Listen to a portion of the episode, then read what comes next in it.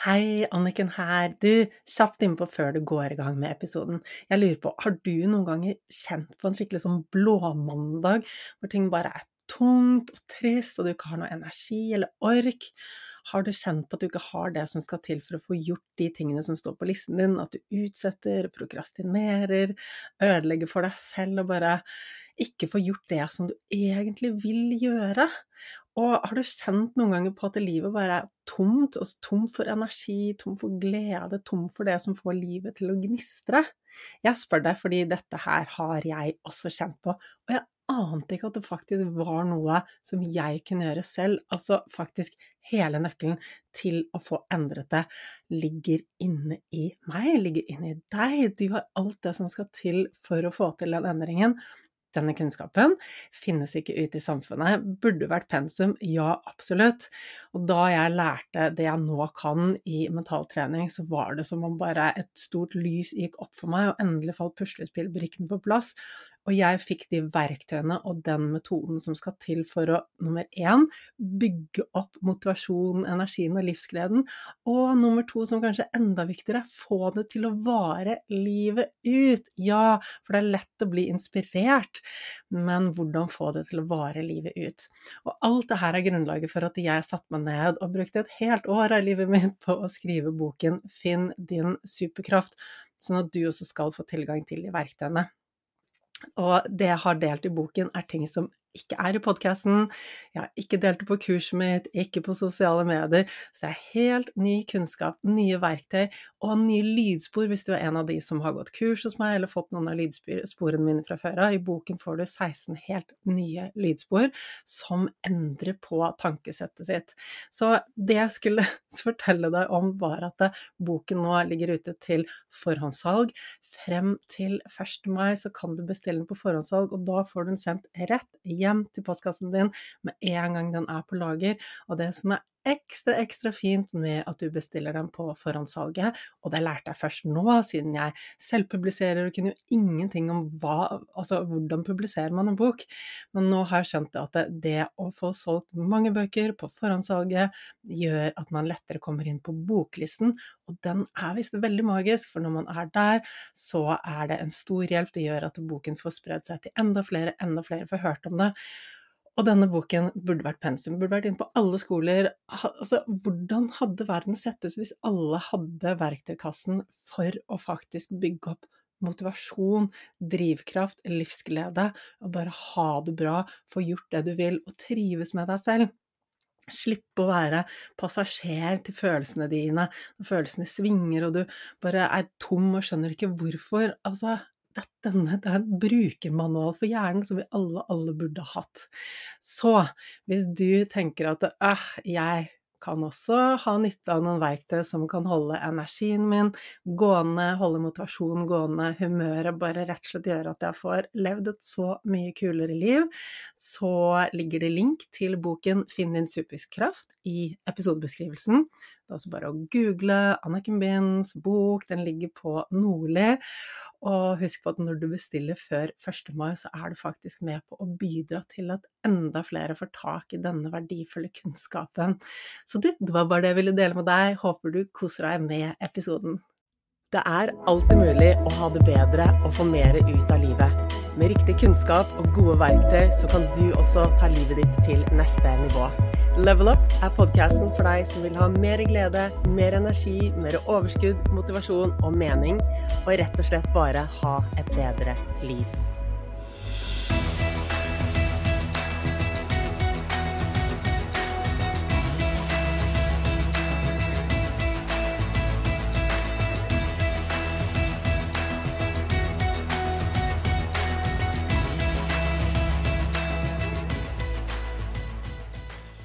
Alle vil ha mer suksess i livet. Alle har lyst til å føle seg bedre, få til mer, bli gladere, utvikle seg, nå lengre, ha en level up av livet. Altså uansett hvordan du definerer suksess, så vet jeg at suksess er noe du ønsker deg. Kanskje er du på et sted i livet hvor du tenker at og det er skummelt, suksess er ikke noe for meg, jeg har Kanskje du ikke gir deg selv tillatelse til å ha et suksessrikt liv? Til å nå målene dine, til å få til det du vil. Jeg vet at veldig mange saboterer for sin egen suksess fordi de fra barndommen av har lært at det, nei, suksess og det å få til det jeg vil, det er ikke noe for meg. Så ja, kanskje det er noe av det som ligger og hindrer deg.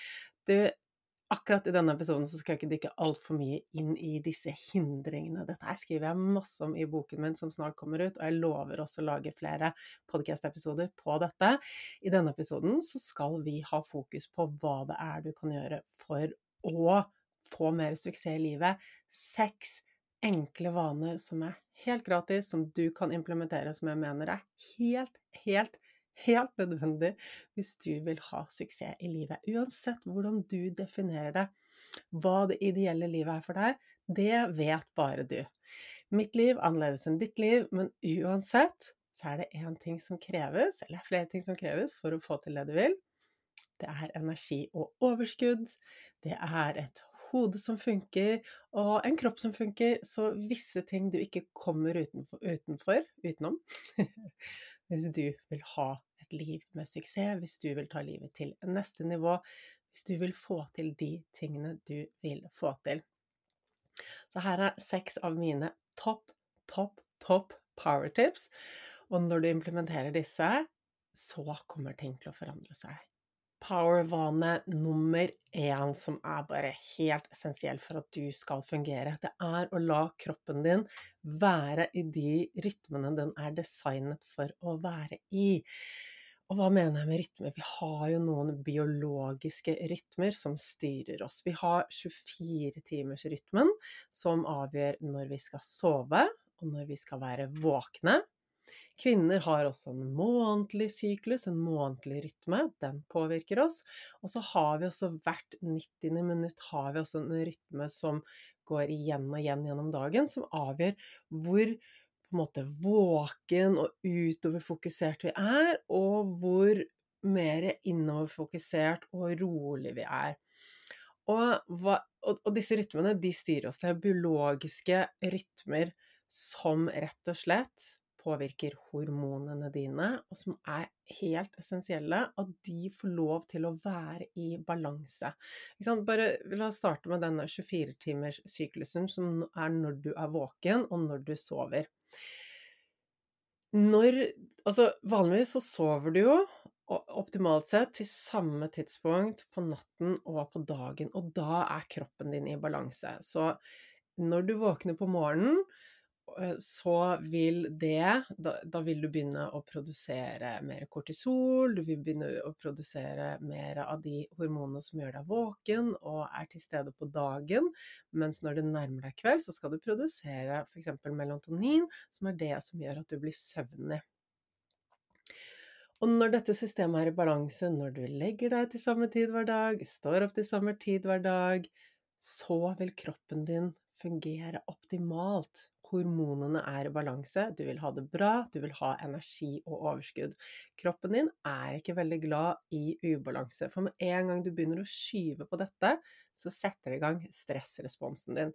Det er ikke så veldig heldig for helsen din. En gang iblant, ja, det er ikke noe krise når du gjør dette, og du henter deg inn igjen og tar deg inn, men er dette et mønster som går igjen og igjen, så vil det tære på deg, det vil tappe deg for energi, og det vil gjøre noe med helsen din.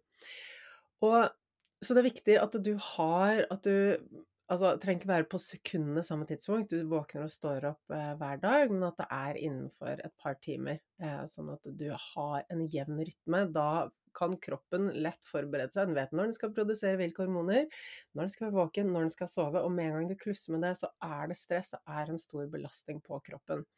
Så hva kan du gjøre for å, å opprettholde det? Det er selvfølgelig masse søvnhacks, vi skal ikke gå gjennom alt her. Men noe av det viktigste, viktigste, viktigste du gjør, og det er det mer og mer forskning som viser, det er å være obs på lys. Fordi lys og mørke, det påvirker eh, hormonproduksjonen din. Så når du står opp på morgenen, så er noe av det beste du kan gjøre for deg selv, er å eksponere deg for dagslys. Og ja, jeg vet at det er litt utfordrende når vi bor i mørke Norge på vinteren. Jeg har en sånn eh, dags- sånn sollysenergilampe, jeg vet ikke helt hva det heter. Philips lager mange av de, som jeg setter på på morgenen for å gi systemet mitt sollys. Det som skjer da, er at det signaliserer til kroppen å, nå er du våken, og det bestemmer når produksjonen av melatonin starter på kvelden. Så om du ikke får noe eh, sollys, dagslys på morgenen, så vet ikke kroppen din helt at det er morgen. Og da kan også produksjonen av melatonin, som er det som skal gjøre deg trett, det kan komme mye senere på kvelden. Så det beste du gjør, er å stå opp, få noe dagslys inn gjennom øynene dine så fort som mulig. Og det er litt avhengig, altså er det overskyet, er det sol ute, hvor mye du trenger. De sier at uh, er det overskyet, så trenger du i hvert fall 20 minutter. Det kan du så google litt og se. Um, og finne ut av en rytme som passer deg best. Det er klart at uh, vi lever en busy hverdag, og man skal opp av gårde på jobb og sånn, men det å ha en sånn dagslyslampe ved siden av seg, det er kjempelett. Det får vi til mens vi spiser frokost eller står på badet og gjør oss klare. Eller kanskje det er bare det at du kan hoppe ut av døren og så eh, være ute på vei til jobb og få dagslys der. Så det er kjempeviktig. Og på den andre siden igjen så er det viktig at du da på kvelden lærer systemet ditt, eller viser systemet ditt at nå er det kveld, nå skal jeg sove. Og da gjelder det å skru ned lyset. For så lenge du har masse hvitt, altså veldig sterkt lys på inne, så går alt dette lyset inn gjennom øynene til hjernen, og, og den forstår at ja, det er jo dagslys fortsatt. Det er dag fortsatt. Og jeg har nevnt dette i en tidligere episode, så vi har sånne spotter i taket med sterkt lys. Det, selvfølgelig kan vi dimme det, og det gjør vi på kvelden. Så vi er jo vi kommer fra naturen, vi har innordnet oss etter naturen. Så når dine øyne oppfatter at et sterkt lys kommer ovenfra, da registreres det som at ja, det er midt på dagen. Solen står høyt på himmelen på dagen, ikke sant? På kvelden så står solen lavt på himmelen. Det er kjempebra for deg om du kan få med deg soloppgang og solnedgang. Det har en kjempegod påvirkning på hormonsystemet ditt. Men kan du ikke det, så kan du fortsatt gjøre mye med innebelysningen. Skru ned innebelysningen, og på kvelden kan du bruke lave lyskilder, altså type sånn bolamper og stålamper, sånn at du får lyset fra siden og ikke ovenfra. Altså, er ikke det helt er ikke det helt genialt? Det er jo helt logisk, egentlig. Vi er jo vi, er, vi kommer fra naturen, vi har levd i harmoni og samspill med den i alle år. Så flytter vi inn i hus eh, med klimaanlegg, med sterkt lys, vi sitter foran skjermer på kvelden. Det er ikke rart at, vi, at systemet vårt blir stresset, og at vi blir slitne av det. Vi er ikke skapt for det, vi er skapt for å leve i denne rytmen med naturen. Um, så, så Altså, dette er noe av det enkleste og viktigste du kan gjøre for at du har god helse og god energi og overskudd. Altså hvis ikke kroppen din funker, så kommer ikke du heller til å funke i lengden. Vi kvinner har jo også denne eh, månedlige syklusen, og den er det også viktig å ta hensyn til. Jeg skal ikke gå i detalj på hva du gjør i forhold til de ulike periodene av syklusen her, det kan vi snakke om i en annen episode, du kan google det også. Men rett før perioden før du f.eks. skal ha menstruasjon, så er det lurt å ta det roligere. Det er også den tiden hvor du ikke skal drive og faste og stresse systemet ditt unødvendig. Det å våkne på morgenen og bare kjøre på med en kopp, kopp kaffe som bare setter i gang stressresponsen, det vil være en belastning på hormonene dine. Så i perioder rundt syklus så skal du ta det mer med ro, ikke noe hard trening, lytte til kroppen. Um, og da eh, de første ukene, de to første ukene av syklusen din, da, det er da du har mer energi, det er da du kan dra på mer med trening. Um, planlegger altså heftigere jobbhverdager, foredrag, møter, alle de tingene du skal gjøre. Mens rundt menstruasjonen så er det mer sånn gå inn i meg selv, ta det med ro, hvile litt.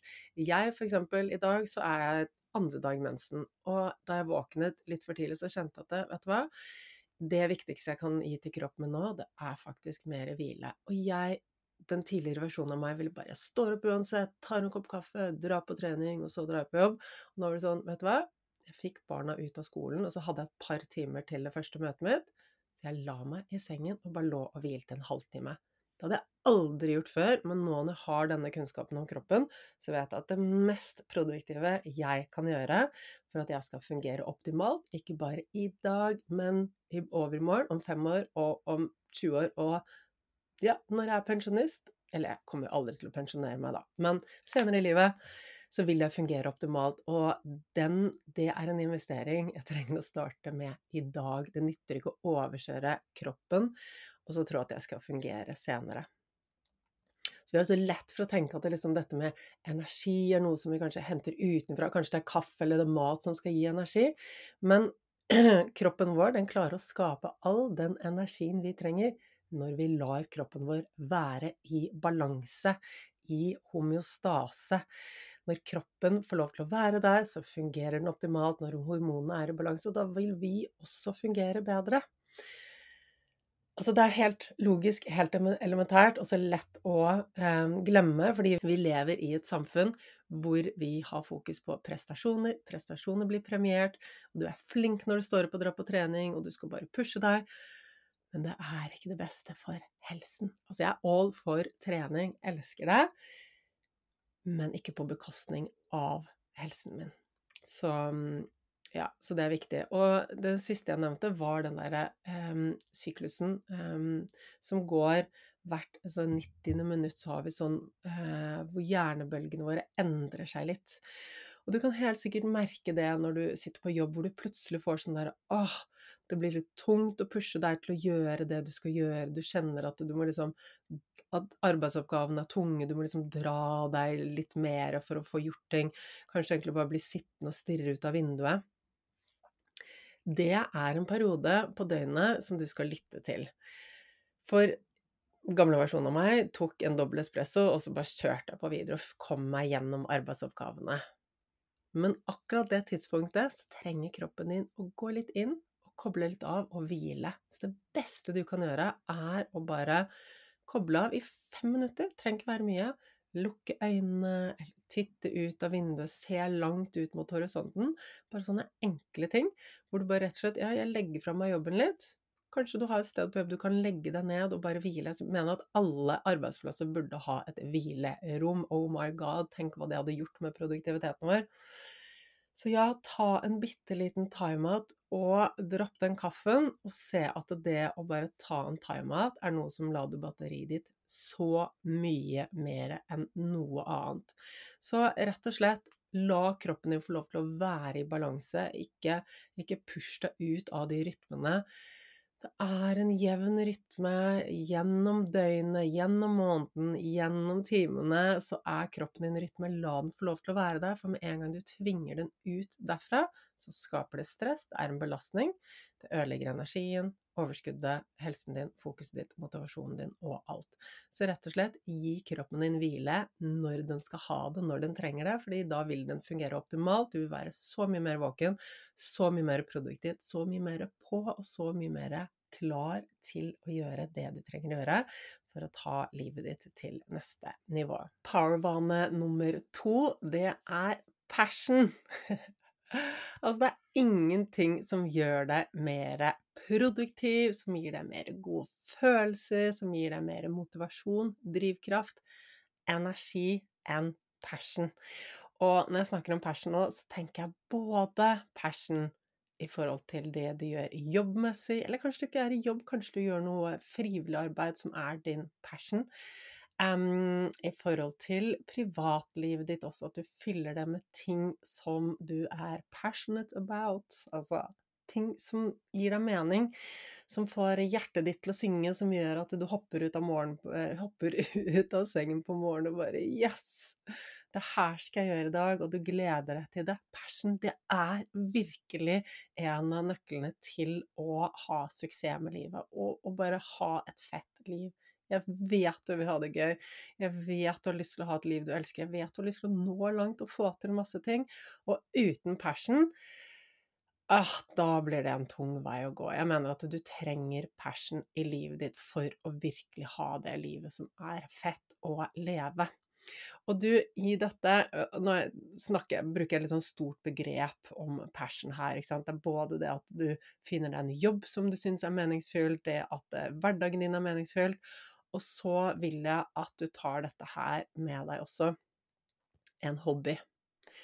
Altså, en hobby er så undervurdert. Og egentlig ganske morsomt, for jeg har alltid vært, eller har i hvert fall lenge vært sånn der Å nei, jeg skal bare gjøre ting som er produktivt, som er smart. Men så har jeg alltid, helt ubevisst, holdt fast på hobbyene mine. Jeg har hatt helt klare og tydelige hobbyer som jeg har satt av masse tid og energi til kontinuerlig gjennom hele livet mitt. Og nå som jeg er mentaltrener, så ser jeg jo hvor viktig det å ha en hobby er for livskvaliteten vår, for tilfredsheten vår, for motivasjonen, drivkraften, produktiviteten vår. Helsen vår. Det er bra for så mye. Det skaper så gode, positive kjemiske reaksjoner i kroppen.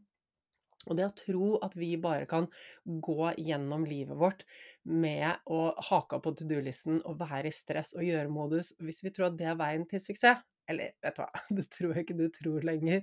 Du som har vært her inne nå og lyttet til så mange episoder, du vet at for å virkelig ha suksess i livet ditt, for å nå langt, for å få til de tingene du vil, så handler det om litt mer enn å bare få ting unnagjort og være effektiv.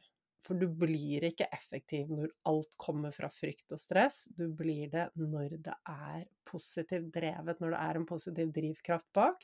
Og da trenger du å legge inn det som er gøy i livet ditt, det som bare får hjertet ditt til å synge. Så designe livet ditt mer og mer, sånn at det er eh, mer meningsfylt for deg. Morsommere å stå opp på morgenen. Og rett og slett, har du ikke en hobby, så skaff deg en. Ta opp igjen en gammel hobby som du trivdes med før. Bare test noe. Og det er jo ikke sånn at uh, kanskje, kanskje, du tester noe, så finner du ut at ok, det var ikke noe for meg. Det er helt greit. Noen ganger så må vi kanskje prøve oss litt frem før vi finner noe som vi liker å holde på med. Men jeg vil si at alle trenger en hobby. Og så tenker du kanskje men Anniken, jeg er sykmeldt, jeg har ikke energi, eh, jeg har barn, jeg har ikke tid, jeg har jobb. Um, et eller annet har du tid til. Et eller annet har du tid til. Du har tid til å sitte på telefonen, du har tid til å Ja, noen ting tar du deg tid til. Du har mulighet til å putte inn en hobby. En hobby trenger ikke være tidkrevende, det trenger ikke hver dag. Kanskje det er noe du gjør et par ganger i året, men et eller annet som gir deg en drivkraft. Kanskje mentaltrening er hobbyen din. Det er i hvert fall en av hobbyene mine. Um, bare det å lytte til denne podkasten, kanskje det er noe av det som faktisk er det du eh, som får hjertet ditt til å synge, det å dykke ned mer i mentale strategier. Finn ut hva det er for deg, finn ut hvor mye du trenger å sette av tid til det. Om det er fem minutter i uken, eller om det er en podkast, lære et nytt tema, det kan også være en hobby. Ja, kanskje du Okay, kanskje du ligger i sykesengen, du kan ikke fysisk ut og gjøre hobbyen, men ja, du kan gjøre research, du kan lære deg ting.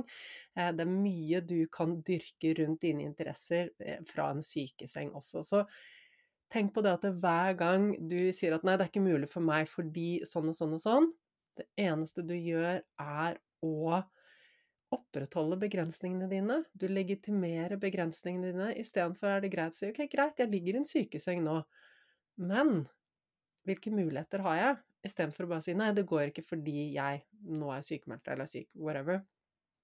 Snu det og si 'ok, ja, ok, jeg er sykemeldt nå', eller 'jeg ligger i sykesengen nå'.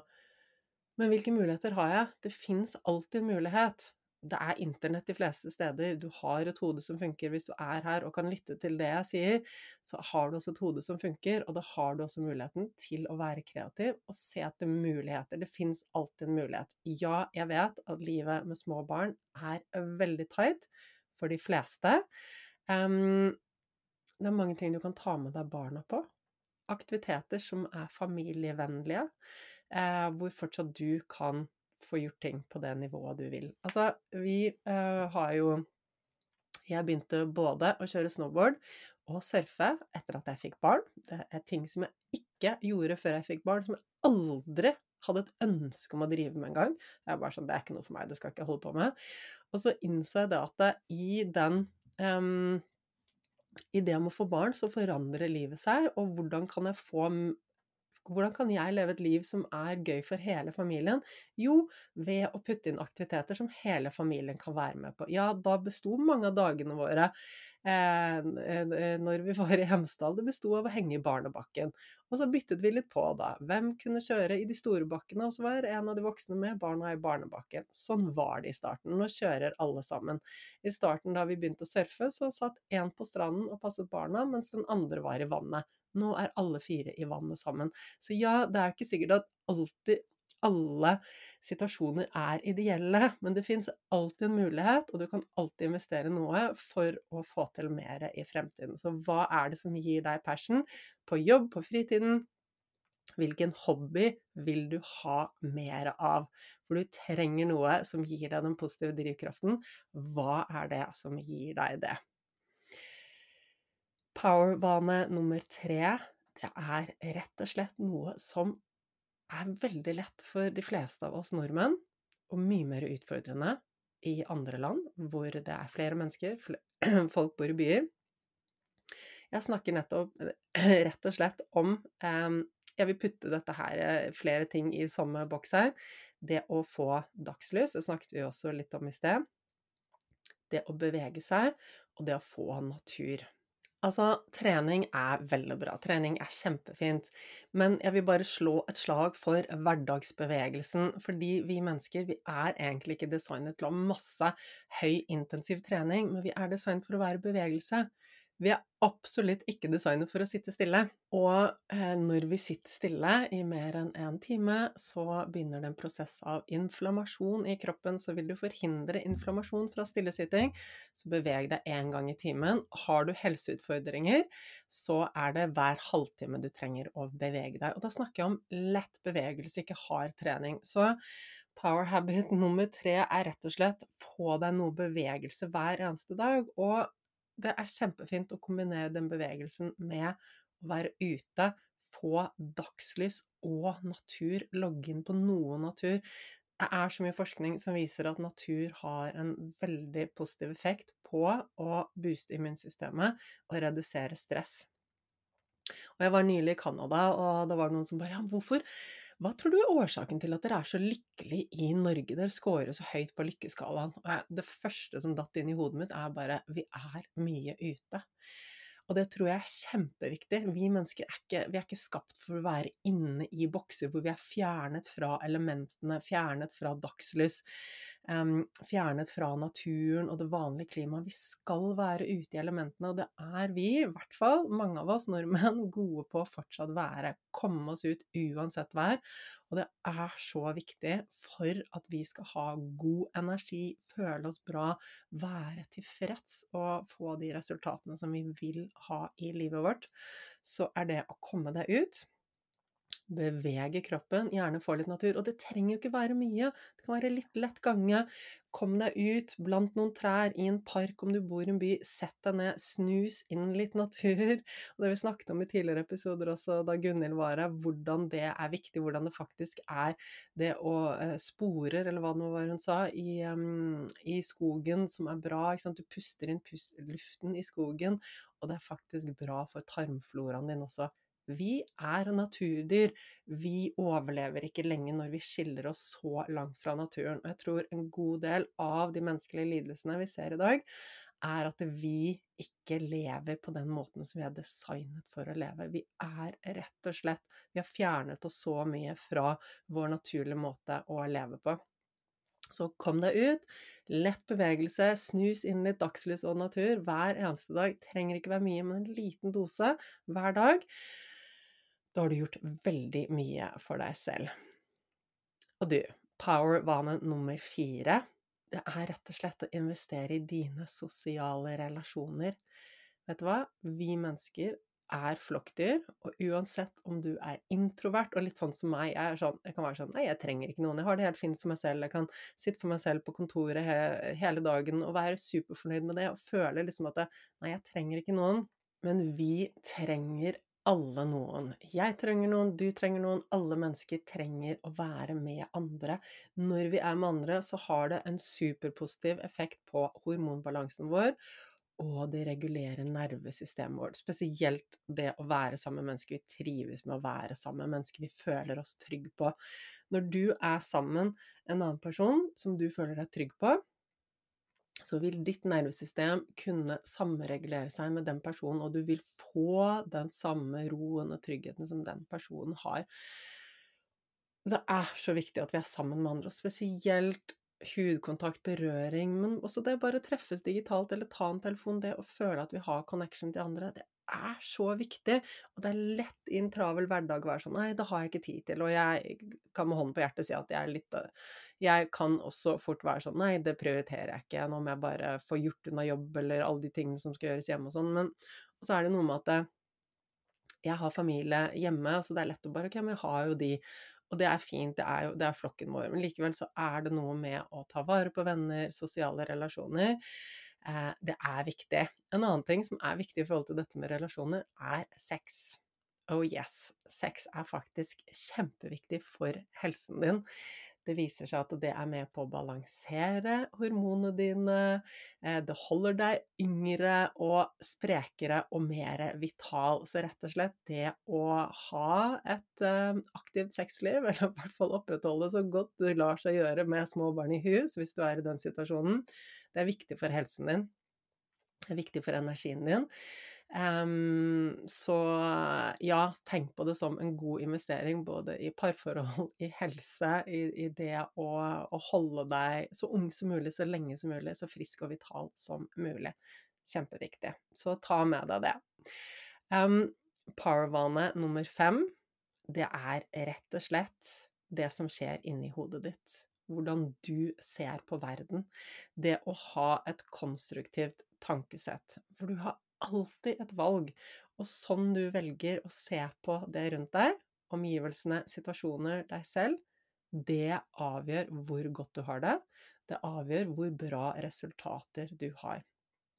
Og jeg har snakket mye om dette med mental fleksibilitet.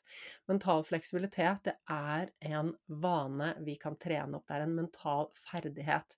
Jeg var mentalt sett veldig lite fleksibel før. Jeg hadde skikkelig sånn låst tankesett som bare Ting er sånn eller sånn. Jeg så ikke noen gråsoner. Det var liksom enten-eller. Men med en gang du begynner å trene opp din evne til å være mentalt fleksibel, så betyr det at når noe skjer, så kan du gi slipp på om det ikke blir sånn som du ville det skulle være. Du kan fort endre hvordan du forholder deg til det som skjer rundt deg. Og det er klart at uh, her trenger de fleste å øve seg litt, for vi har så lett for å bare Å, nå var det eh, trafikkork, så da blir jeg irritert. Nå skjedde det, så da blir jeg sånn og sånn. Men det er ikke noen regel som sier at når dette skjer, så må du føle deg sånn og sånn, eller bli sånn og sånn. Du har alltid et valg i forhold til hvordan du skal forholde deg til situasjoner. Noe av det største tidstapet og energitapet vi mennesker gir ut hver dag, hvis det er riktig måte å si det på ja. Et av de største energi- og tidstapene til oss mennesker på daglig basis, det er tankene våre. Hva vi tenker om ting. Hvor lenge vi holder fast på ting, hvor lenge vi gnager på ting, hvor lenge vi grubler på ting. Hvor lenge vi kjenner på bitterhet eller irritasjon eller frustrasjon, og hvis ting ikke ble sånn som vi ville det skulle være. Hvor mye tid tror du du bruker på det hver dag? Hvor mye energi går med til det? Dette er altså en av de største kildene til det indre stresset, som i det lange løp virkelig ødelegger helsen vår. Så det å kunne begynne å gi slipp på at ting må være på en måte, akseptere når ting ikke ble sånn som vi ville at det skulle være, akseptere at det kan være annerledes, gi slipp på at ting er svart-hvitt, for det er ingenting som er svart-hvitt alt er grånyanser her i verden. Så det å begynne å øve deg på å forholde deg til ting på en konstruktiv måte Og hvordan kan du gjøre det? Ja, det er klart at det, det her er ikke en sånn 'Nå skal jeg bli mer konstruktiv og ha, mentalt, uh, ha mental frihet' og ha et mentalt fleksibelt tankesett, og så blir det sånn Nei, du trenger å øve deg. Det går ikke første gangen. Du må ville det, du må bestemme deg for det og øve deg på det. Men vil også, det vil være en motiverende prosess fordi du vil se at åh, så mye mer energi du får. Åh, så mye mer tid og overskudd du får. Åh, du kan være til stede istedenfor å henge deg opp i ting som du ikke henger trenger å henge deg opp i. Så det er motiverende å komme i gang med å øve deg på det. Så hva kan du gjøre, hvordan kan du begynne å øve deg på det? Rett og slett bare bli bevisst på hvordan du forholder deg til ting i hverdagen, det som skjer rundt deg. Hvordan forholder du deg til det? Og den beste indikatoren er jo sånn hvis du kjenner på en følelse av irritasjon eller frustrasjon eller et eller annet, bare sånn OK, stopp opp og spør deg selv OK, nå kjenner jeg på irritasjon. Hva, hva ligger egentlig Eller frustrasjon, da. Ikke sant? Hva er årsaken til at jeg gjør det?